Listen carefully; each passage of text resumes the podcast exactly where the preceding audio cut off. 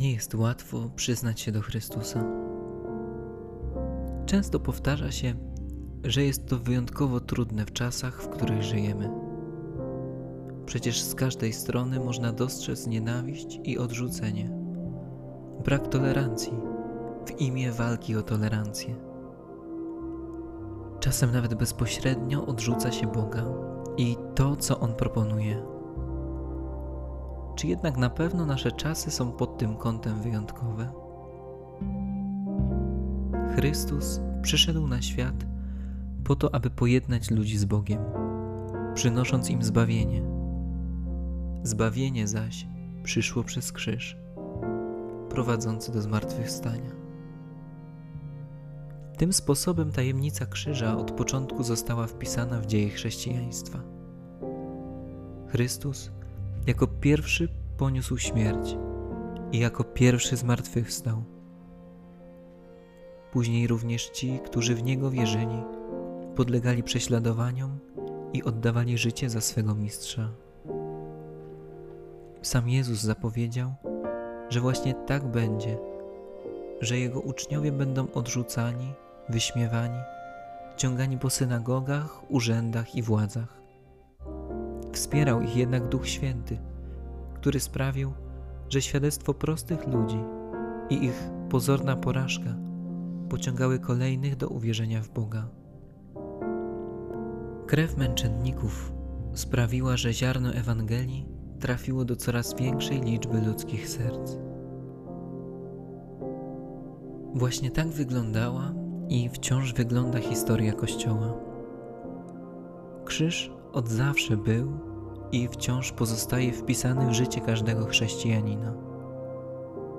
Przyznanie się do Chrystusa niejednokrotnie pociągało i wciąż pociąga za sobą odrzucenie przez innych.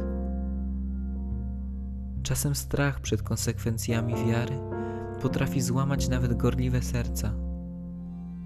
Piotr, pierwszy z apostołów, zaparł się Chrystusa Zbyt bardzo polegał na własnych siłach. Uzyskał jednak przebaczenie, a dzięki zaparciu zrozumiał swoją słabość. Pozwoliło mu to głosić Chrystusa z odwagą, by ostatecznie oddać za niego swoje życie. Czasy, w których żyjemy, często nazywamy wyjątkowo ciężkimi dla Kościoła. Stanowią one na pewno duże wyzwanie dla wierzących. Jednak krzyż i cierpienie od początku były związane z chrześcijaństwem, stanowiąc jego ważny element. Można popatrzeć na nasze czasy ze strachem i lękiem, jednak taka postawa na pewno nie pochodzi z natchnienia Bożego. Wciąż doznajemy pomocy Ducha, który poucza nas, jak wyznawać swoją wiarę i umacnia w trudnościach. Ten sam duch pokazuje, że nasze czasy, wbrew pozorom, mogą być źródłem nie strachu, ale nowej, głębokiej nadziei. Są w pewnym sensie czasami wyjątkowymi. Krzyż przyniósł światu zbawienie.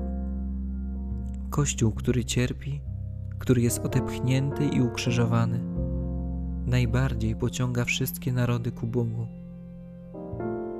Kościół, w którym sływa krew męczenników, może skruszyć najbardziej zatwardziałe serca i obudzić w nich wiarę. Cierpienie Kościoła jest znakiem nowej nadziei na to, że wszyscy ludzie przyjmą zbawienie. Czy w trudach wynikających z przyznania się do Chrystusa widzę tylko strach? Czy potrafię w cierpieniu dostrzec światło nowej nadziei?